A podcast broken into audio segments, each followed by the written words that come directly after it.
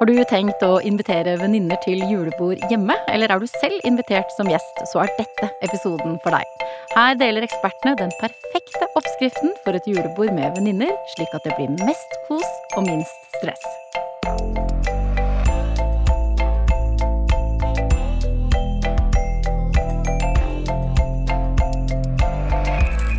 Velkommen til Matpratpodden. Jeg heter Katrine Ude, og sammen med meg er som vanlig to matprateksperter. Det er deg, Marta Ramsborg. Du er matrådgiver. Hallo! Hei! Og så er det deg, Cecilie Maske. Du er også matrådgiver i Matprat, og i tillegg så er du kokk. Ja, det er jeg. Hei Ja. Hva har dere to tenkt med dette skreddersydde julebordet for venninnegjengen? Nå vil jeg høre, hva har dere pønska ut? Det korte svaret er jo at julebord er skikkelig hyggelig. Enig. Ja. Og vi ønsker at det skal være like hyggelig for uh, vertinnen som har invitert hjem til seg, og, som det det er for gjestene. Så vi har uh, laga en plan for alle vertinner der ute, og for hennes gjester. Sånn at vertinna kan uh, kose seg like mye som gjestene, altså være gjest på sin egen fest. Å, det er herlig, da. Ja. og den som har invitert, eh, og som tar initiativet til å samles, det er jo ofte den samme som trommer sammen vennegjengen år etter år. Og stort kudos for det. Ja, hørte dere det? Alle, Ja. alle dere som hører på, som er, er, den enige venninnegjengen som alltid inviterer. Ja, Gi deg selv en eh, god klapp på skuldra. ikke sant? Ja. Eh, man må sette pris på det. Eh, og spesielt i en sånn setting hvor eh, mat og pynt er litt sånn ekstra i fokus, da, sånn som julebordet. Og da er det kanskje forventa at det skal være litt sånn ekstra også. Ja, ikke sant. Og det er altså alltid mye å tenke på i, førjulstida for absolutt alle. Og det å få tid til å møtes, det er jo ikke åpenbart at man klarer det, så det er, eh, det er godt gjort når man klarer å tromme sammen. Fem, seks, sju stykker kanskje. Da gjelder det jo å få delegert oppgavene, sånn at alle sammen kan bidra med litt. For det viktigste, tross alt, er jo at man får til å møtes og være sammen. Og det trenger ikke å være sånn der veldig, veldig stress. Ok, det høres bra ut. Men helt konkret, hva er denne oppskriften deres da for den perfekte vennejulebordet? Ja, og vi har jo tatt utgangspunkt i at man er seks stykker, da. Det er liksom greit å ha et, et klart tall å jobbe med. Og at hver av gjestene tar med seg hver sin rett, og at du som er vertinne, ordner resten. Ok, så da har dere lagd en meny som fordeles på disse fem gjestene? Ja, altså ja, vi har satt opp en, en liten sånn oversikt over gode retter, men altså det her er jo bare forslag. Eh, Det er ingen sånn meny som er absolutt. Det her er eh, noe som alle kan bruke som inspirasjon, bare. Vi er ganske sikre på at det er lurt å planlegge. Det er derfor vi har gjort det her. Og, og også veldig lurt å involvere gjestene dine ved at du ber dem å ta med én rett hver, og at det, det er helt innafor å gjøre det. Eh, og også komme med konkrete forslag til helt eh, bestemte retter, da. Eh, da, ris da risikerer du ikke at du ender opp med tre pote potetsalater og to kyllingsalater eller noe sånt. Det er jo veldig lett å gjøre ellers. Ja, for det er litt kjedelig. Ja, Når det er litt kjedelig, altså. Ja, du òg har laget kyllingsalat, ja. ja. Da blir det kon- konkurranse i kyllingsalat. Eh, men noen har jo også en sånn spesialrett som de syns det er ok å lage, og som de, eh, som de er flinke til å lage, og som smaker godt. Og så er det andre selvfølgelig som ikke er flinke til å lage mat i det hele tatt, og som kjøper noe ferdig.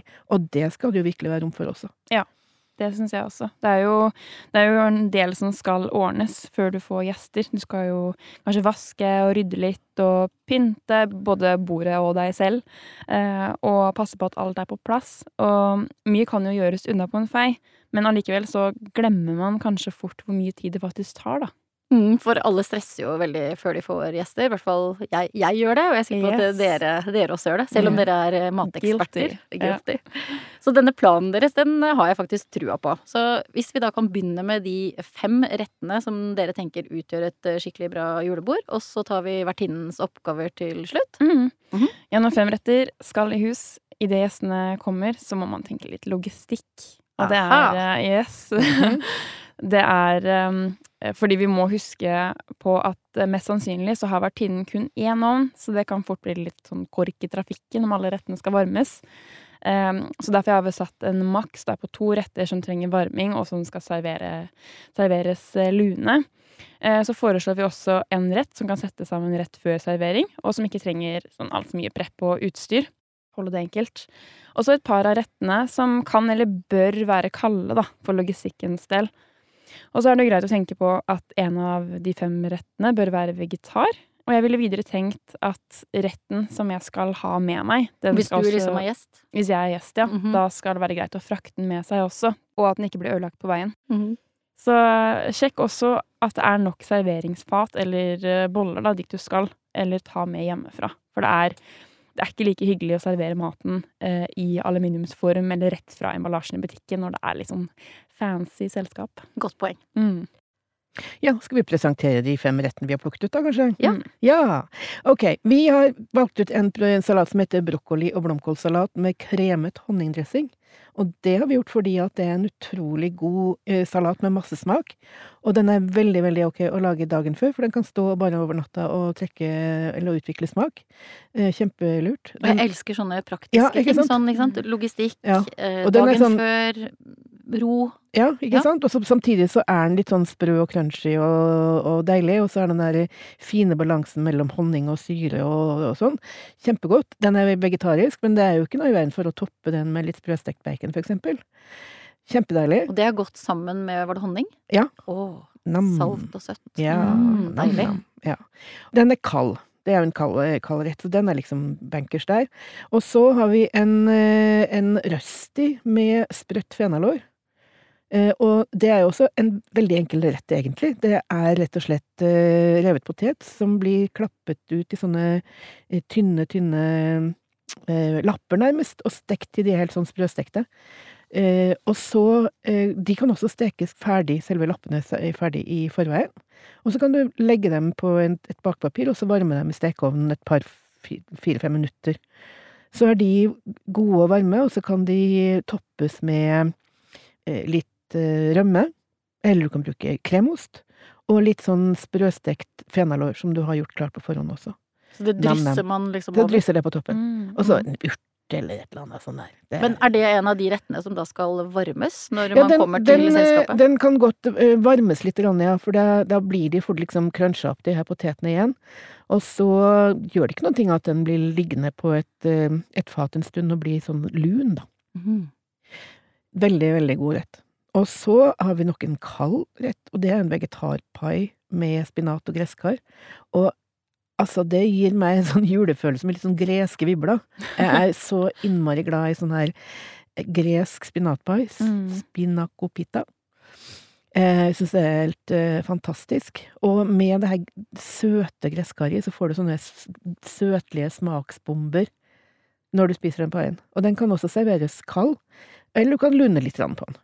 Ja, for Men det, den kan godt være kald. for det var viktig, som eh, Martha sa. Altså, Ja. vi, vi må ikke lage trafikkork på, på kjøkkenet hos vertinnen. Men skal ikke glemme at det går an å bruke det va- varmluftsfunksjonen, da, altså varme ting i to etasjer i ovnen. Mm. Det er også mulig.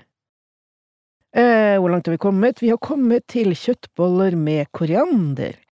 Jeg synes jo at det hører veldig med med noen gode kjøttboller når vi er i den settingen her. Og de her er kjempegode, med spisskummen og fersk koriander i, i deigen. Hva Eh, slags eh, kjøtt bruker du? Det er egentlig så er det en oppskrift med storfe, altså vanlig kjøttdeig, men det er kjempefint å blande inn eh, lammekjøttdeig, for eksempel, eller også svinekjøttdeig. Og de blir, med lammekjøttet så får du den lille lille lammesmaken, og med svinekjøttet så blir de ekstra saftige, faktisk. Ja, for når du nevnte lam og kjøttboller, så tenkte jeg litt på den der retten du nevnte som ga deg litt sånn greske Ja, julevibber. ja. At de to høres ut De matcher kan jo litt sammen, Mm, ja. ja. det gjør de. Og så er det jo egentlig bare å få stekt de der i sånn fin, eh, fin størrelse. Og de kan også da varmes opp i en stekepanne når du kommer fram til selskapet. Så det er ikke noe saus til de kjøttbollene? Nei, egentlig ikke, men du kan jo godt altså, ha en, ha en tzatziki til, for eksempel, eller en, en eller annen form for dipp ved siden av. Og så legger dem opp på et fat med litt eh, ruccola og litt eh, ja, litt frisk koriander og litt sånn urter rundt. Litt feta? Det kan du godt også føye til, hvorfor ikke? selvfølgelig. Hvorfor ikke? Hvorfor ikke? Og så syns jeg jo at ingen sånne kvelder som det her er fullkomne uten å ha litt ost. Det er jo så godt. Ja, det er så Mm. godt. Og da er det jo sånn ja, tre-fire oster eller noe sånt. Eller kan gjøre det veldig enkelt og bare ha én ost. En litt stor bri som du kan varme på ettervarmen i ovnen. For dette er en rett som ikke behøver å stå på bordet med en gang. Den er liksom sånn, hva skal jeg si, nesten en overgang mot en dessert, da. Mm. Og hvis du da legger den opp og den er begynner å bli litt sånn myk og deilig og lun og, og nesten flytende. Og så ha litt god kjeks ved siden av, litt god frukt, noen eh, nøtter, også et lite sånn der flytende honning på toppen. Et glass med sånn chutney er Chutney eller en sånn god marmelade eller noe sånt ved siden av. Jeg trenger nesten ikke noe mer enn det, altså. Og til deg som hører på, alle disse rettene finner du selvsagt på matprat.no. Yes. Ja. Jeg tror det er viktig, eh, liksom som vi snakka om, å velge retter som ikke er for avansert smaksmessig, da, og keep it simple. Um, og selv om du selv kanskje er glad i mer spennende smaker og liker å teste litt sånn nye ting og sånn, så, så vet vi jo at det fins en del kresne folk der ute. Uh, så det er greit å tenke på at um, smakene bør passe sammen. Uh, og det er jo jul, så da føles det jo også naturlig å velge retter og smaker som, som speiler det litt, da. Eh, og det trenger jo ikke være de der klassiske store rettene, men, eller sånn som ribbe, pinnekjøtt og, og lutefisk, men eh, det kan jo være andre retter som også gjør at du får assosiasjoner til jul, da. Kan jo snike inn litt rakfisk, syns nå jeg.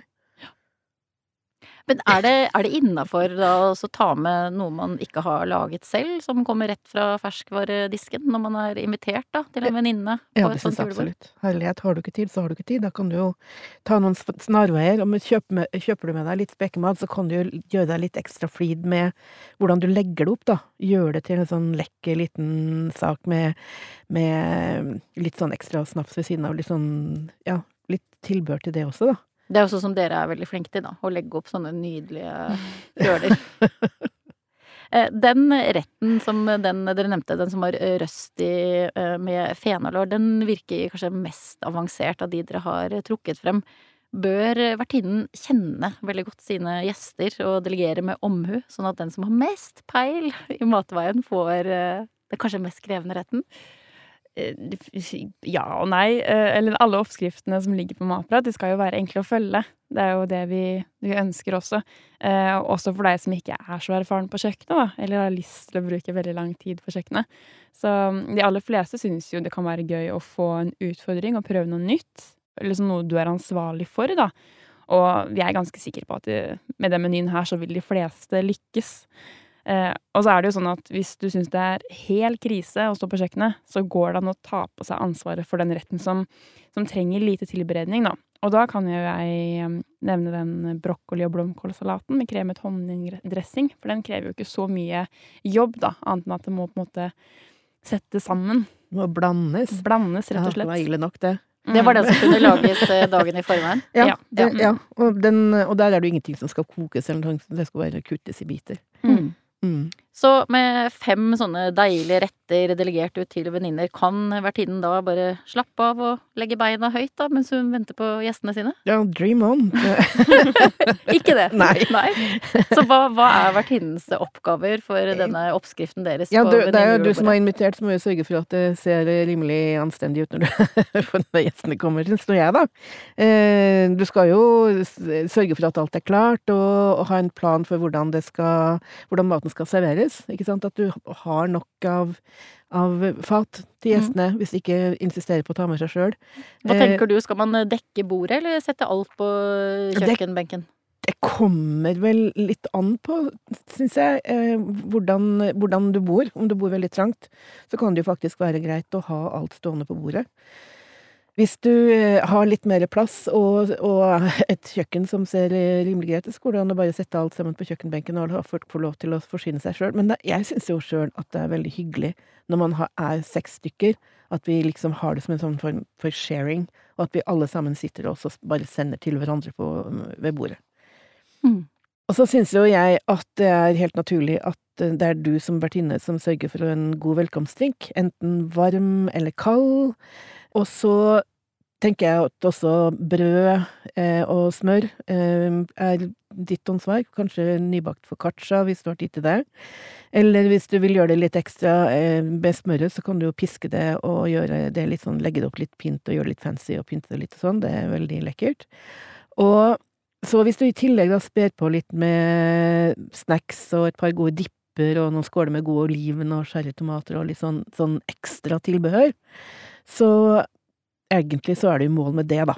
Mm, Men uh, vi har glemt en uh, ting som jeg er veldig glad i. Det er dessert. Ja! Hvem skal ta ansvar for desserten? Er det disse fem gjestene som er invitert, eller er det vertinnen? Ja, det er vel antagelig så faller vel det på vertinnen, det også. For vanligvis er det jo sånn at en, en dessert trenger litt kjøling eller frysing eller noe sånt som er der, og da er det jo greit at det her ikke skal fraktes så veldig, fraktes så veldig langt, iallfall. Bortsett fra kake, så kan du tenke at hvis du baker en kake, så kan jo den fraktes med i taxi eller på trikken eller noe sånt, men, men utover det så er det vel greit at uh, vertinnen står for uh, desserten. Da kan jo ostekake være et alternativ, for så vidt, hvis du vil delegere. Hvis ikke så er jo en god hjemmelaga is fantastisk og enkelt å lage, og kan også lages opp til flere uker i formen. Og eller en panna cotta med en god fruktsaus er jo storarta. Mm. Og har du ikke tid, og syns du at dere er mette nok, så er det jo greit å bare sette frem et lite fat med små, lekre sjokoladetrøfler. Det er helt innafor. Og det funka for meg. Ja, ikke sant? Jeg elsker sjokolade, så Ja. jeg sier kjør. det holder, det. Ja. Jeg tenker også at velkomstdrinken må vi snakke litt mer om. Ok, den brenner ja. du for. Ja, ja, ja. Få høre. De skaper jo alltid god stemning. Eh, enten det er en sånn enkel variant med bare litt sånn Eller ikke bare, men med litt sprudlende og litt juice, da. Eh, eller om du vil lage en skikkelig sånn julecocktail. Det kan jo da også preppes eh, før julebordet. Eh, og om du da lager den klar i en karaffel eller i en bolle, så blir det jo som en slags eh, punch. Eh, og så kan du gjøre det litt sånn mer ut av det. Selv om drinken er klar, så kan du jo også eh, servere den på en litt mer sånn kul måte, da.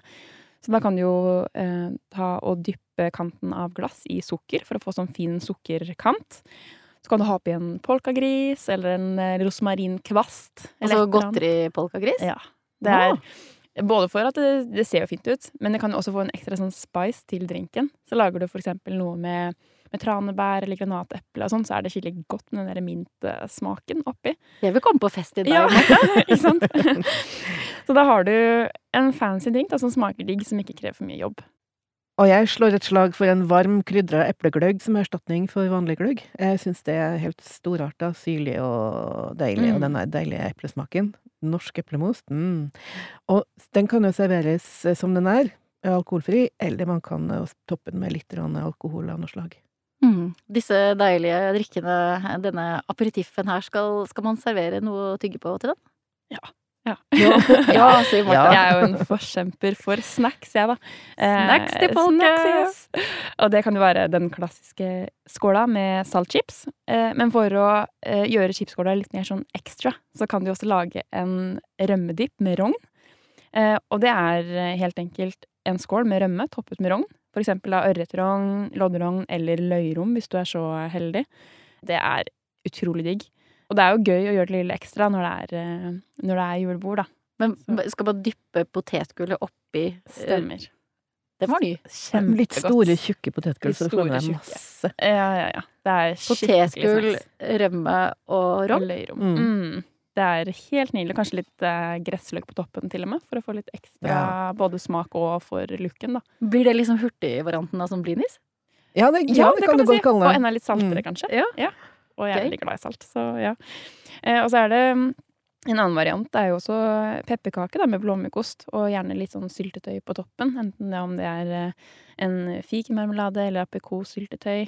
Eh, det er også en sikker vinner. Mm. Mm. Og, og, Veldig det, enkelt og innmari, innmari godt. Ja. og det, det som liksom, Denne drinken og denne snacksen, det er vertinnen.